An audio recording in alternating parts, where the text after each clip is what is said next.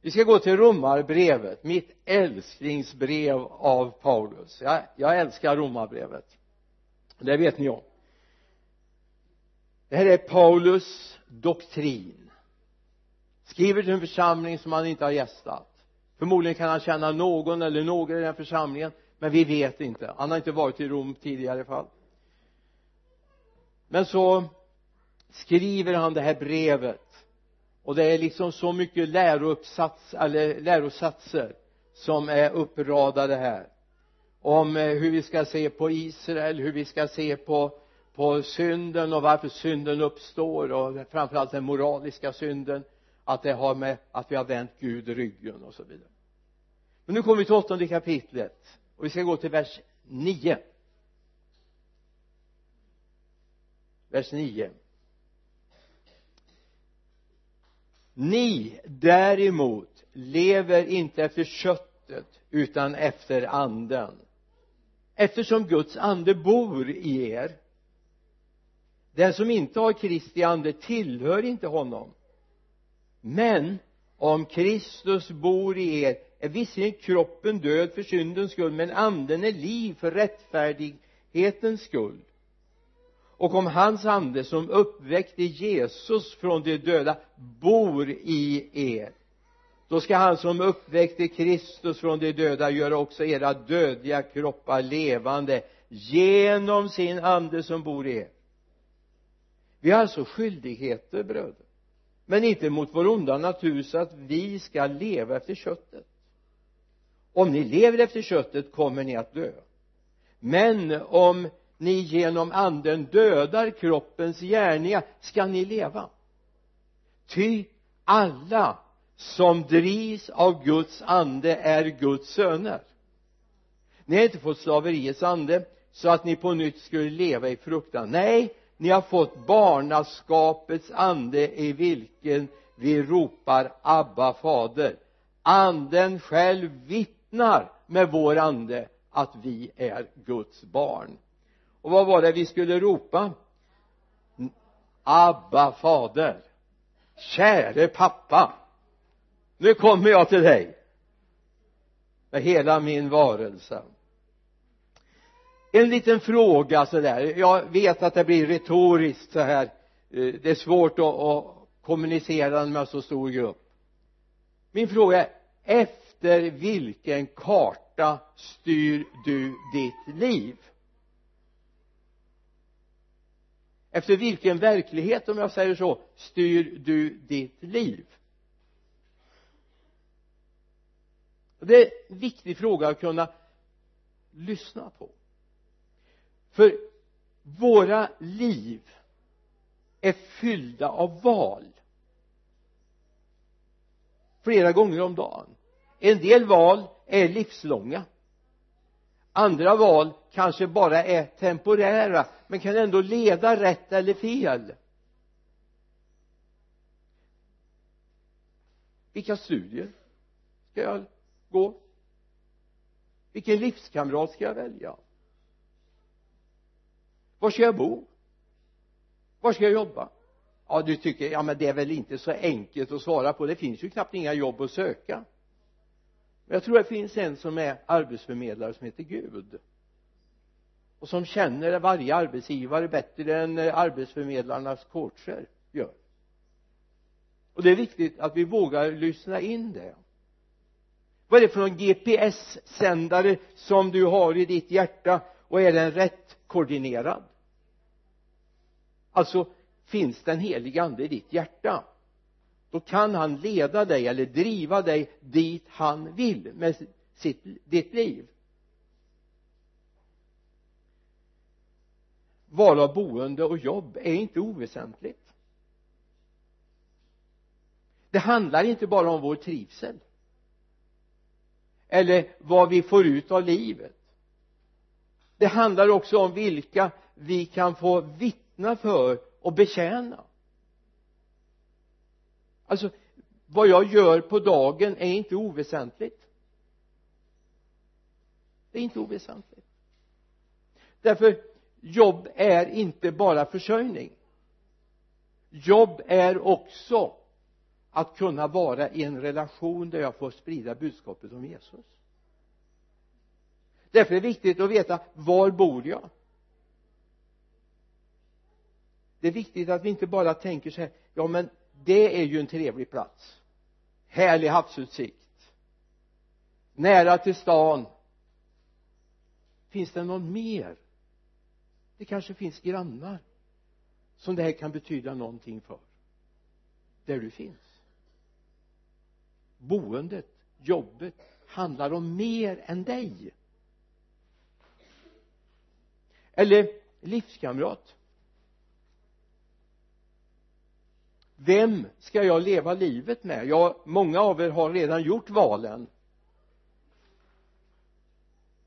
Men det står inför det. Och då kan man tänka sig är det huruvida han eller hon ser bra ut? Är det en trevlig person? Och jag skulle vilja säga och det här kommer vi ha en hel kväll om i bibelskolan framöver här. Vem kan jag teama med? Vem utgör jag ett team med? Inför Gud. Vem kan jag tjäna tillsammans med? Jag tror att det står man i den valsituationen och har möjlighet att börja be Gud om att leda så ha det med som första prioritet vem kan jag teama med vem kan jag teama med jag tror att det är oerhört viktigt att vi har klart för oss att det handlar inte jag menar C.G. Hjelm gammal förkunnare i vårt land som bodde i Vargön under perioder av somrarna ute i Nordkroken han hade ett uttryck han sa att skönhet förgår och fulhet består. När han talade med männen om vilka kvinnor de skulle välja. Tänk på det. Skönhet förgår men fulhet består. Och det kan ju vara bra att tänka på. Jag ska inte säga något mer. Psalm 23 vers 2 och 3 den så kallade herdesalmen Herren är min herde, mig ska inte fattas. Då står det i vers 2 han låter mig vila på gröna ängar. Han för mig till vatten där jag finner ro. Han vederkvicker alltså upplivar min själ. Han leder mig på rätta vägar för sitt namns skull. Han leder mig på rätta vägar.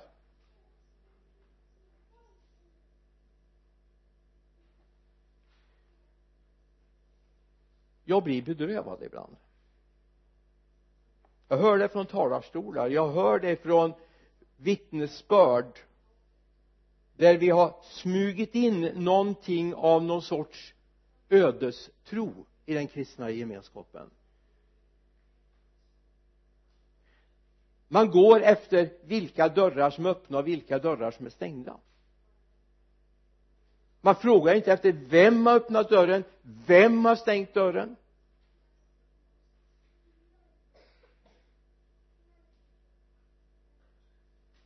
Eller tänker du så här att om jag står och söker efter någonting och så möter jag en, en stängd dörr, ja då är det nog Guds mening att jag inte ska gå in där. Eller jag kommer till en öppen dörr, ja visst Gud har öppnat dörren så nu går jag in där det är en ödestro. Den har ingen relevans i Guds ord. Om vi läser om bibelns personligheter ska vi se de har en helt annan inställning. Okej okay, Gud vart ska jag gå? Vad är ditt uppdrag? Sen har det inte så mycket att göra med om dörren är öppen eller stängd. Jag går. Därför har Paulus ett annat hållningssätt i det här. Om du följer med mig till Kolosserbrevets fjärde kapitel ska du se. Där ber han vännerna i Kolosser att be för sig. Och då ber han att de ska be så här.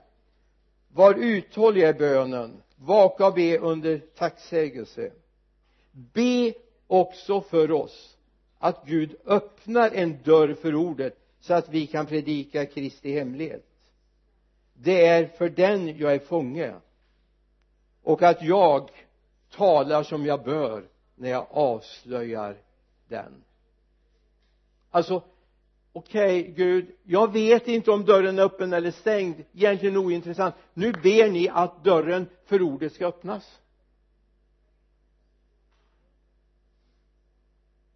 Det är det hållningssättet jag vet vad jag ska göra nu får jag be Gud att han öppnar dörren för mig. Ger en möjlighet. Eller ta apostlagärningarna 16 vi kommer passera det sammanhanget för ett par tillfällen idag. Jag ska inte be dig hålla tummen där för att eh, vi kommer bläddra mycket fram och tillbaka i bibeln. Apostlagärningarna 16 vers 6 och 7 det står om Paulus och hans resällskap. Sedan tog de vägen genom Frygen och Galatien eftersom de av den heliga ande hindrades att predika ordet i Asien. Och när de nådde Mysien försökte de bege sig betydningen, till betydningen. Men det tillät inte Jesu ande.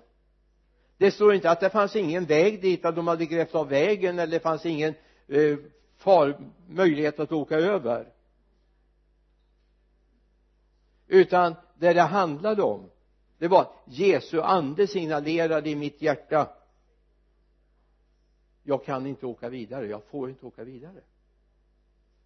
Alltså det är det andens vittnesbörd vi bör ha att vara ledd av Guds ande det är att vara beredd att gå Guds väg oavsett vad som händer. Men säger han nej så stannar jag. Säger han gå så går jag. Så att det handlar inte om bara att söka öppna och stängda dörrar. För det finns en till som kan öppna och som kan stänga. Och därför måste jag leva med en visshet i mitt hjärta vad Gud vill med mitt liv. Jag måste veta vad Gud vill med mitt liv. Så att jag kommer rätt har du hört uttrycket som står i Lukas 6 och 45 avslutningen av 45 versen. Ty vad hjärtat är fullt av det talar munnen. Du får gärna ha med dig både 43, 44, 45 men i avslutningen av 45 versen ty vad hjärtat är fullt av talar munnen. Jag har en lång predikan idag så jag kommer köra ganska fort jag hoppas du hänger med mig nu. Vi ska väl hålla på ett par timmar sådär va? Jag ska ju inte börja från klockan sex i Lidköping ikväll så det går bra. Så tar vi fast idag så. Vad hjärtat är fullt av talar munnen. Men jag skulle lägga till någonting. Det är inte bara att munnen talar vad hjärtat är fullt. Mina handlingar är också styrda av vad hjärtat är fullt av. Min inriktning på livet är styrt av vad hjärtat är fullt av. man kan se på människors handlande vad deras hjärta är fullt av. Om det är något som behagar Gud eller någonting som är på tvären mot Gud. Och därför sliter många människor sina liv. Det jag tagit in det jag fyller mitt hjärta med därav blir mina handlingar och därav kommer mina ord. Jag vill bara gå till mig själv. Jag vet ju vad min mun babblar om och vad mitt hjärta är fullt av ibland va? Säger inget om er men jag vet av egen erfarenhet. Och möter man människor som är fyllda av Jesus då är det väldigt mycket Jesus. Och det är underbart att höra om Jesus va? och vad Jesus har gjort och att Jesus är med. En och annan för, blir lite förtretad på det men det är härligt men det är än värre eller än bättre det är när den här Jesusförälskelsen finns eller inte finns. Det finns allt för många människor som inte har en Jesusförälskelse även i den kristna gemenskapen. Det finns människor i den kristna gemenskapen som inte är fyllda av honom. Och där andra saker är högsta prioritet jag väljer, jag prioriterar utifrån om Jesus är första förälskelsen eller om Jesus bara är en del av livet.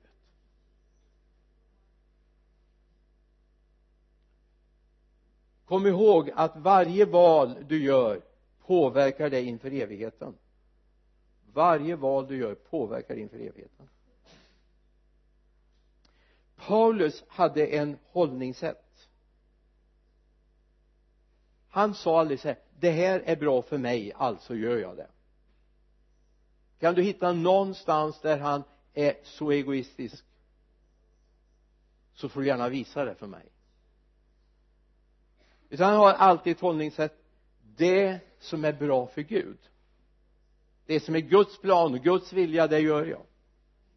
Men han hade en kriterie till för sitt handlande vad som är bra för andra? För med mig till Filipperbrevets första kapitel verserna 21 till 25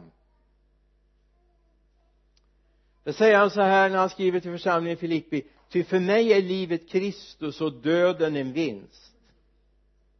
Men om livet här på jorden innebär att mitt arbete bär frukt då vet jag inte vad jag ska välja. Jag dras åt båda hållen. Jag skulle vilja bryta upp och vara hos Kristus det vore mycket bättre. Men för er skull är det nödvändigt att jag får leva kvar. Och då jag är övertygad om det vet jag att jag ska leva och bli kvar hos er alla och hjälpa er till framsteg och glädje i tron. Yes. Hans inställning. Att få ha glädje i tron att andra ska få det mitt liv ska resultera i någonting för andra människor. Det finns allt för många människor som lever i individualism.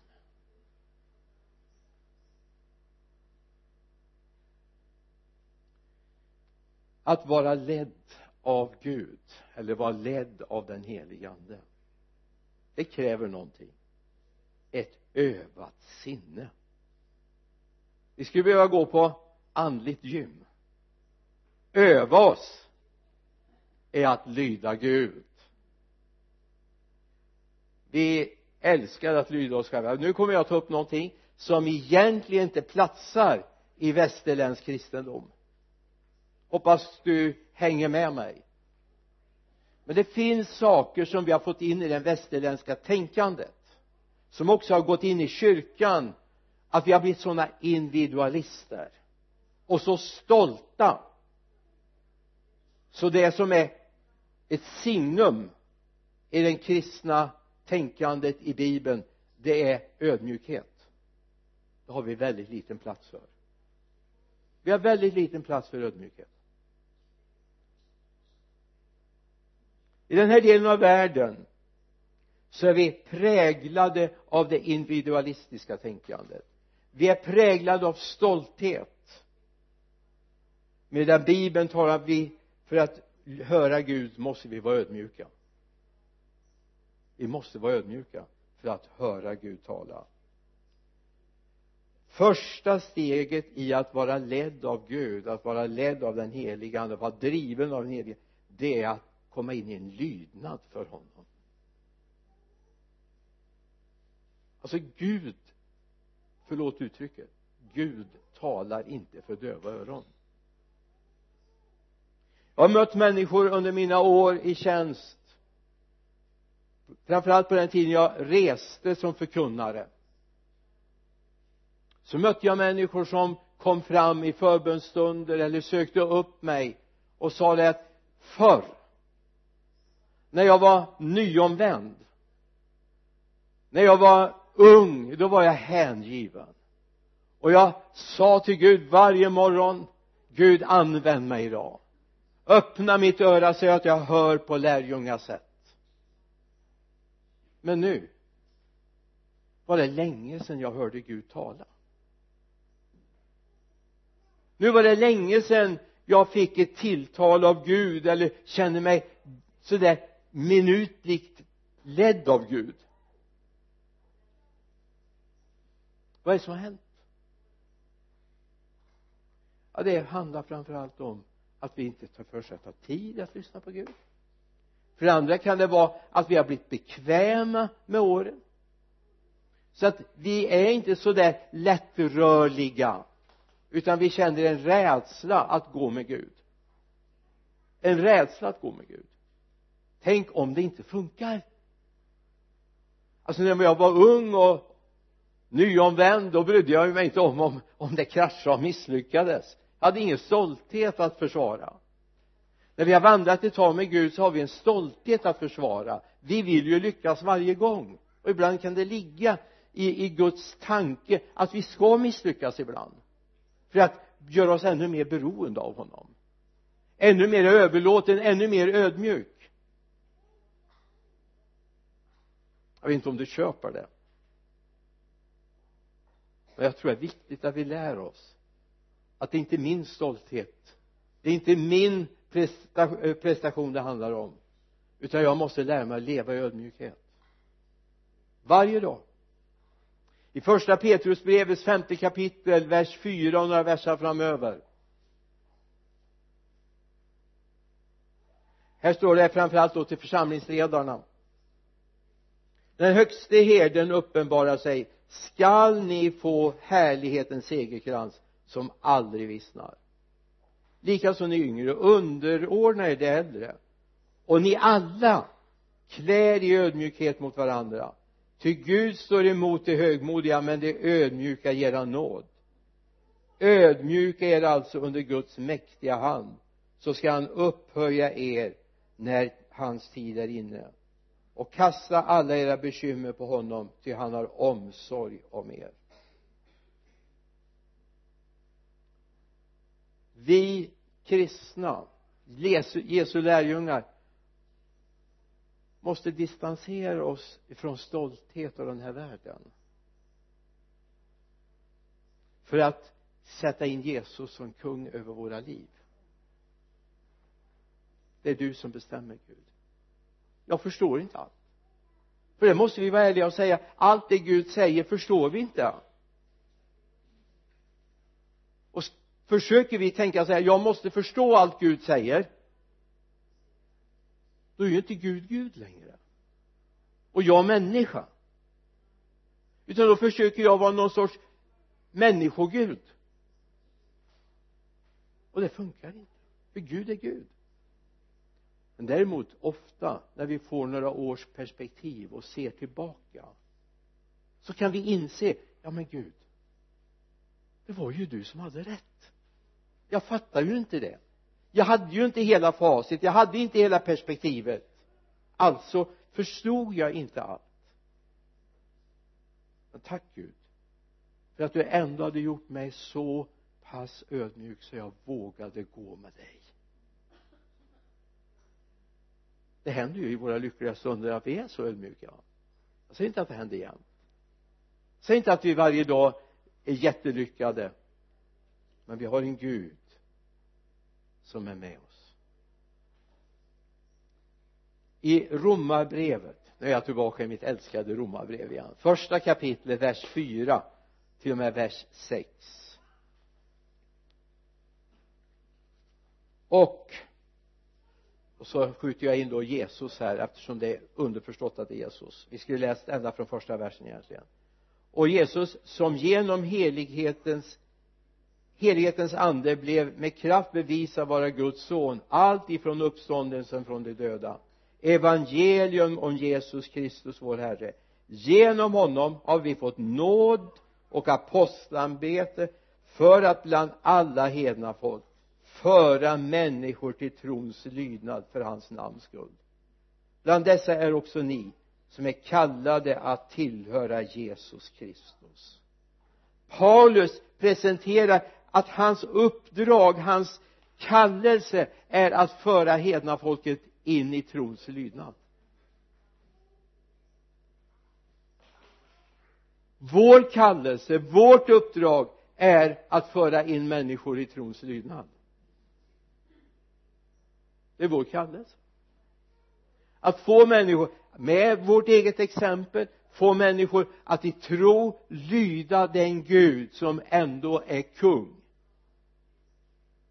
Som är större än du och jag är och någonsin kan bli. I Hebreerbrevets femte kapitel det är vers 14 framförallt jag tänker på men jag vill läsa från vers 12 Hebreerbrevet 5, 12 till 14 ty fast ni för länge sedan borde ha varit lärare behöver ni någon som undervisar er igen i de första grunderna av Guds ord. Ni behöver mjölk, inte fast föda ingen som lever av mjölk är mogen för en undervisning om rättfärdighet. Han är ännu ett barn. Den fasta födan är till för vuxna för dem som genom övning har fått sitt sinne skärpt till att skilja mellan gott och ont. Den som har fått sitt sinne skärpt till att skilja mellan gott och ont. Bibeln säger att här behöver vi övning. Och övning är någonting som jag gör någonting jag presterar. Eller hur? Alltså jag tillåter mig. Det är ju inte så här att du kan ligga hemma i sängen och tänka att nu tränar jag på gym. Det var jobbigt att tänka så men det tar inte så mycket kalorier. Eller om jag ska ställa upp i en tävlingskamp som vi har i första Korinthierbrevet så talar Paulus om att den som tävlar den lägger på sig en övning, en tränar för att komma först. Så är det också i, i den andliga världen. Det handlar inte om att det bara går av sig själv så här utan det handlar om en medveten överlåtelse och träning varje dag att vara lyhörd för Gud. Och det ger ingen träningsverk. Det är det bästa. Det ger bara glädje. Underbart.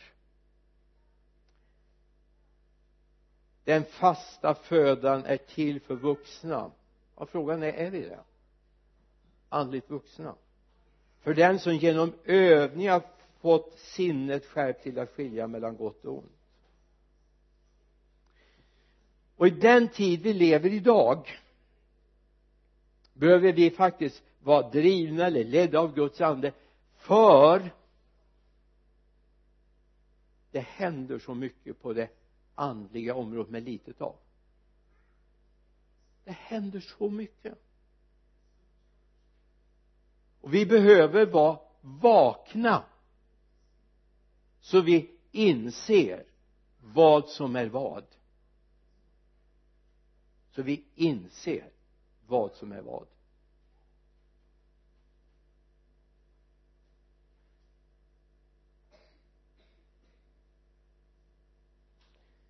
Vi behöver vårt sinne skärpt så vi kan skilja mellan gott och ont.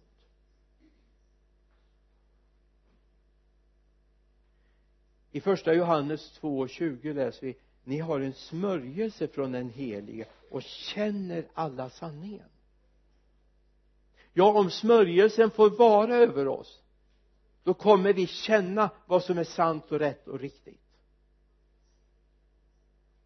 alltså när den heliga ande har fått landa i mitt hjärta och jag är överlåten åt det tyvärr har vi gjort tycker jag den heliga ande bara som en effekt i det kristna livet. Skaka lite granna eh, få lite kunskapens ord och så vidare. Det är jättebra men det är steg två. Men vi har lagt det som steg ett steg ett är att få ett andligt sinne. En andlig personlighet. Och jag känner det så oerhört viktigt i den här världen att tala om det just nu. Det är fantastiskt med tungotalet och det ska vi odla framförallt i din ensamhet. Ska du prisa Gud på nya tungor? Du ska leva med kunskapens ord och du ska leva i profetia men finns det inte ett andligt sinne, en andlig personlighet så blir det ett gungfly. Och vi behöver få fast mark. Han har ställt oss på klippan. Inte på gungflyt. Vi behöver ett övat sinne att höra Gud. Vi behöver ett övat sinne för att höra Gud när vi läser om Paulus vi tar det här sammanhanget när han kommer från Betynien. Och Jesu ande säger till honom att han ska inte fara vidare. Eller han är på väg mot Betynien han ska inte fara vidare. Där på natten får han se en syn. En makedonsk man står där. Du har det i apostlagärningarna 16 en makedonsk man står där och säger kom över och hjälp oss och då sökte direkt en möjlighet att åka över till Makedonien. Och så kommer de till Filippi och hamnar i fängelse. Alltså man skulle kunna känna yes Gud ja vi försökte vara lydiga men här sitter vi i fängelse nu. Men vad händer i fängelset? Jo därför att Paulus och Silas var medvetna om att de var på Guds väg. Trots fängelset. Trots motståndet så de började sjunga lovsång. De lät inte modet slås ner. De sjöng inga ack och v-salmer de hade inte klagosång utan de hade lovsång till Gud. Och så lyssnade de andra också fångarna. Det blev lovsångskonsert i fängelsemiljö där fukten rann efter väggarna det blir sån atmosfär vi brukar säga ibland att det, är, det var så starkt sa vi. Har du hört det någon gång? Någon har sagt det om någon gudstjänst. Det var så starkt.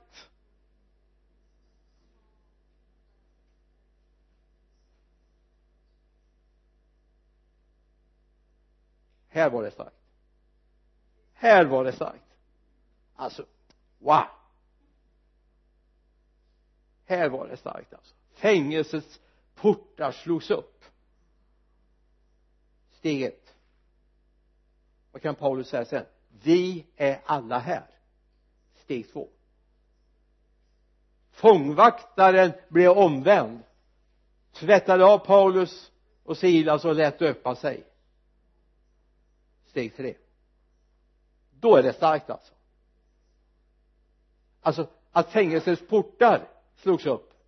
Yes, underbart men många vanliga situationer. Om en jordbävning hade gjort att fängelsets portar hade öppnats så hade man ju inte sett fångarna sen. De hade dratt. Vad tror du skulle hända om Kumlabunkern skulle skaka så att portarna slogs upp? Hur många satt kvar tror du? Ja det är möjligtvis de som är rädda för sina liv på grund av det de har gjort. Alltså det här är starkt. På grund av att Paulus och Silas lyssnade på Gud var ledd av Gud trots att de kom i trångmål så var Gud på deras sida. Så det handlar om att lära oss att lyssna på Gud. I aposteln 27 kapitel jag kan inte läsa hela det sammanhanget men ta, slå upp apostlagärningarnas 27 kapitel. Det här är så bra om ni har biblarna med yes! Vers 22 till 38 det är ett långt avsnitt. Jag ska bara göra några nedslag i det här.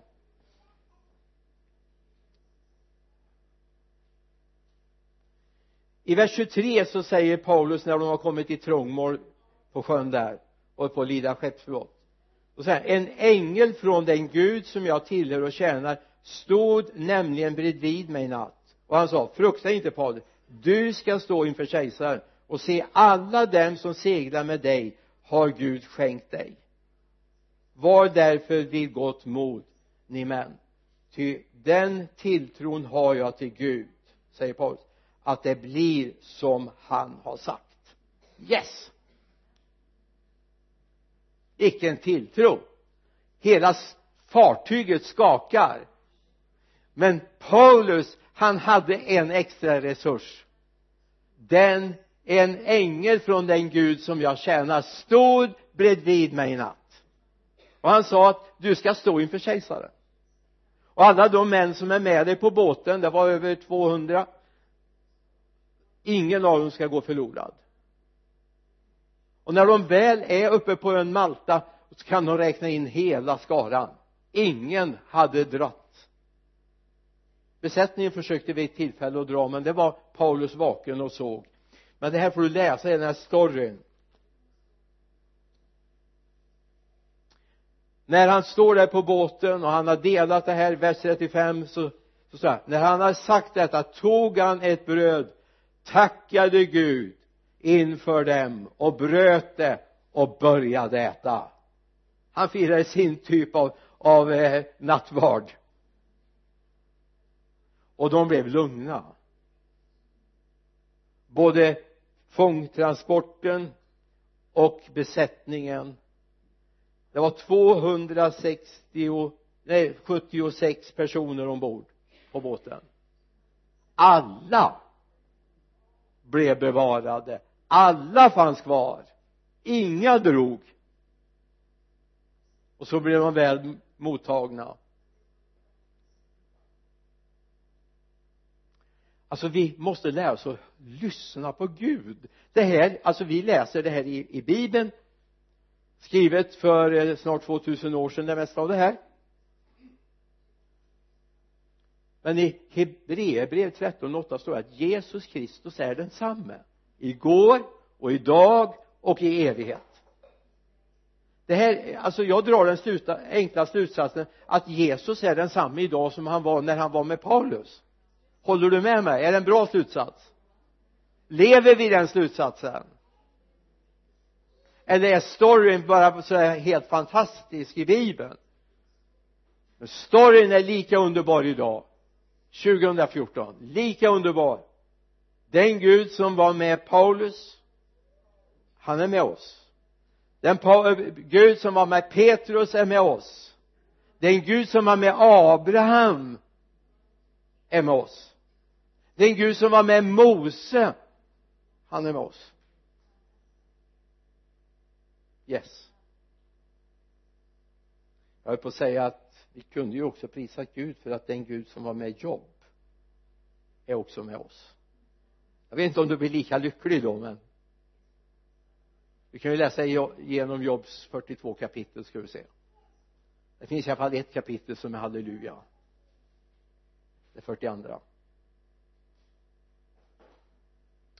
jag skulle vilja säga och jag gör det med stor övertygelse att vara ledd av Gud är en förmån.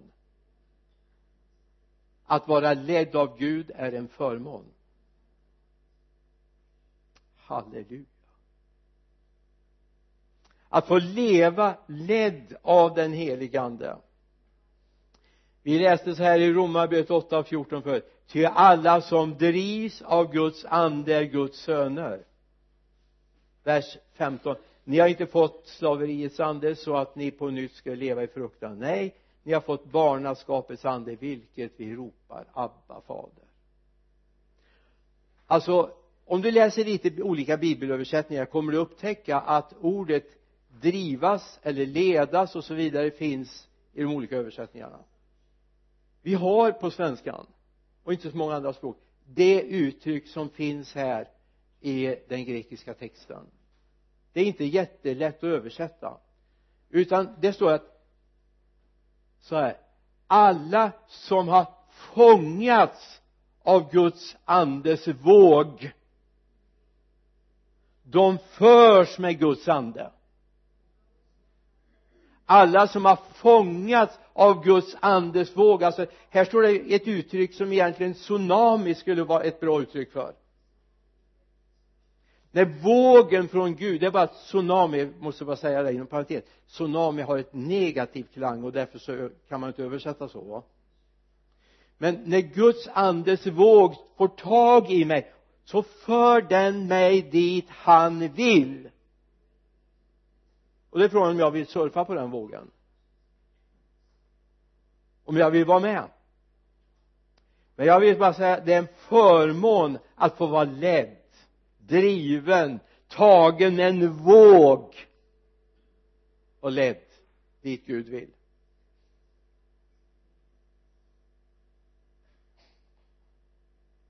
Att aktivt ledas av den heliga inte bara se ja, här var en dörr öppen då går jag in där. Eller här är en dörr stängd alltså ska jag inte in där.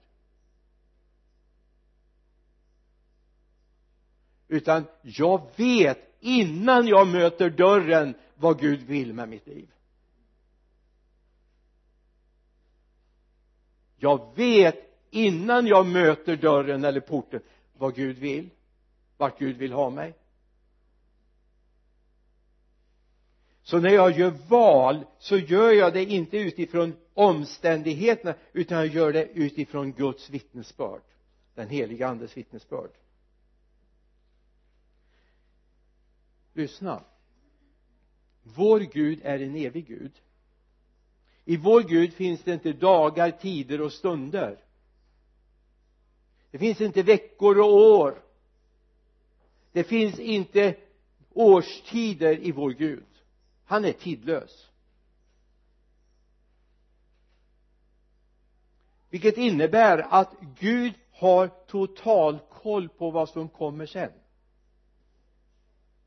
Precis det där som man längtar ibland när man är ute och kör bil på en kurvig väg så önskar man hade en radar som kunde följa vägen så man hade pejl på vad som händer bakom nästa kurva. Att det kommer någon kanske här i, i min högerkurva och genar och kör på innersidan på vänster sida i den kurvan det är inte så lyckat. Ibland önskar man det. Med Gud har vi en sån. Han vet vad som kommer att ske och han vill underrätta oss i vår ande om det. Det är inte alltid behagligt det Gud säger. Men det finns en profetisk dimension och ande i Guds gemenskap. Och det är viktigt att vi lär oss att förstå att Guds ande vill tala. Det är en förmån att få vara ledd av honom som känner morgondagen. Varje ny dag är en nytt blad för mig. Jag vet inte men tänk att få gå med en som har varit där förut. Och som känner morgondagen och vet vad det är vi ska dela för någonting. Det här är den möjlighet vi har om du går med mig till Efesierbrevets andra kapitel vers 10 där finns en hemlighet. Där finns en hemlighet. Och jag har bara en önskan, jag har en bön en vädjan i mitt hjärta att du ska upptäcka den här versen. Och att den ska vara lika underbar imorgon på måndagen som den är idag på söndagen. Lika underbar på tisdagen som den är idag. Och att du kan slå upp den. Och som min gamle gode vän nu hemma hos Herren som var företrädare för mig ute i Vargön när jag var föreståndare där Henry Holm. Han hade ett hållningssätt som jag älskar. När vi hade våra bönestunder vi kröp ner på knä tillsammans så la han upp bibeln på storsitsen där han böjde knä. Och så satte han fingret på bibelsammanhanget och så säger han som du vet så står det skrivet. Och nu går jag ut och jag litar på ditt ord fader löften, sanningar ifrån Guds ord blev så som ett golv som liksom fördes in under våra fötter. Och jag skulle vilja att den här bibelversen får vara ett sånt där golv som du står på. Det Paulus får skriva till församlingen i Efesos denna stora församling med 50 000 medlemmar borta i Efesos. Så får han skriva hans verk är vi alltså Guds verk är vi skapade i Kristus Jesus till goda gärningar som Gud har förberett så att vi ska vandra i dem det här är en verklighet. Det här är någonting vi kan leva i idag. Det är någonting vi kan ta till oss. Gud jag vill att mitt nya liv med dig ska vara skapat till goda gärningar. Och tack gode Gud för att du har förberett dem. Jag behöver inte göra dem själv. Du har förberett dem. Ge mig nåd att få vandra i dem. Det är annat än ödestro. Det är annat än omständigheternas tro. Det är en tro på en Gud som är större än omständigheterna, större än ödet, större än det tankande som finns i den här världen. Till sist jag ska hitta ett amen idag också förlåt om jag har hållit lite högre tempo. Det är min tolk här jag får be om ursäkt speciellt då men hon hänger på. Jag har henne i ett öra här. Galaterbrevets femte kapitel. Och det här är en sanning som finns på ett flertal ställen i Paulus litteratur. Vers 16 till 18 vad jag vill säga är detta.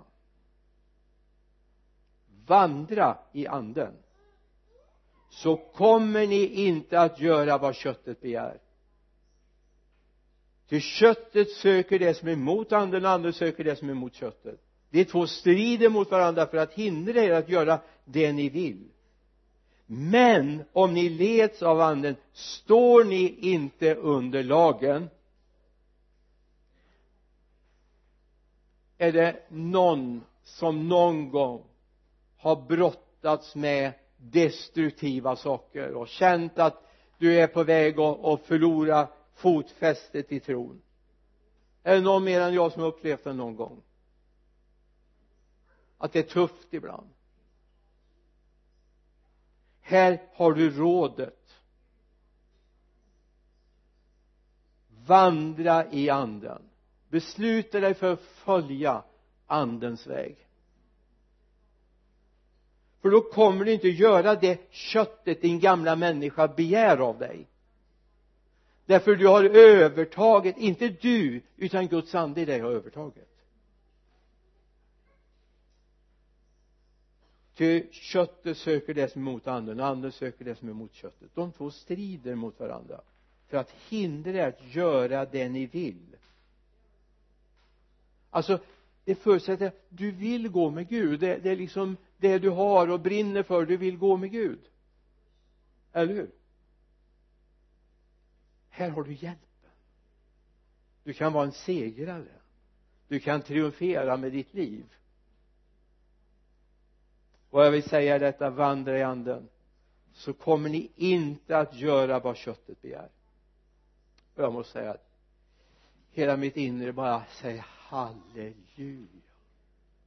I all den brottningskamp jag har mött genom åren med människor som har brutit och bänt med, med sitt liv.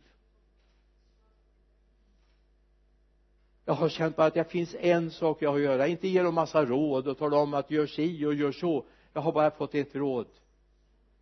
Låt dem få smaka den helige ande. Låt dem få smaka den helige ande. För när den får slå rot i deras inre så både deras öron och ögon och sinnen öppnas. Så att de kan göra det Gud vill. Inte för sin egen skull. För Guds skull. För medmänniskornas skull. Och så också naturligtvis för sin egen skull. Amen ska vi be tillsammans? Far jag bara ber att det här ska få landa i våra hjärtan. Herre tack för att du vill ta tag i oss med din andes våg och för oss dit du vill fader. Och vi säger bara yes Gud. Vi vet att det är det bästa för oss att vi får gå tillsammans med dig. Herre hjälp oss att komma in i en ödmjukhet en överlåtelse till dig fader. Herre hjälp oss att släppa den mänskliga stoltheten och bekvämligheten för att vandra med dig. Jag tackar dig för det. I Jesu namn. Amen. Amen. Amen.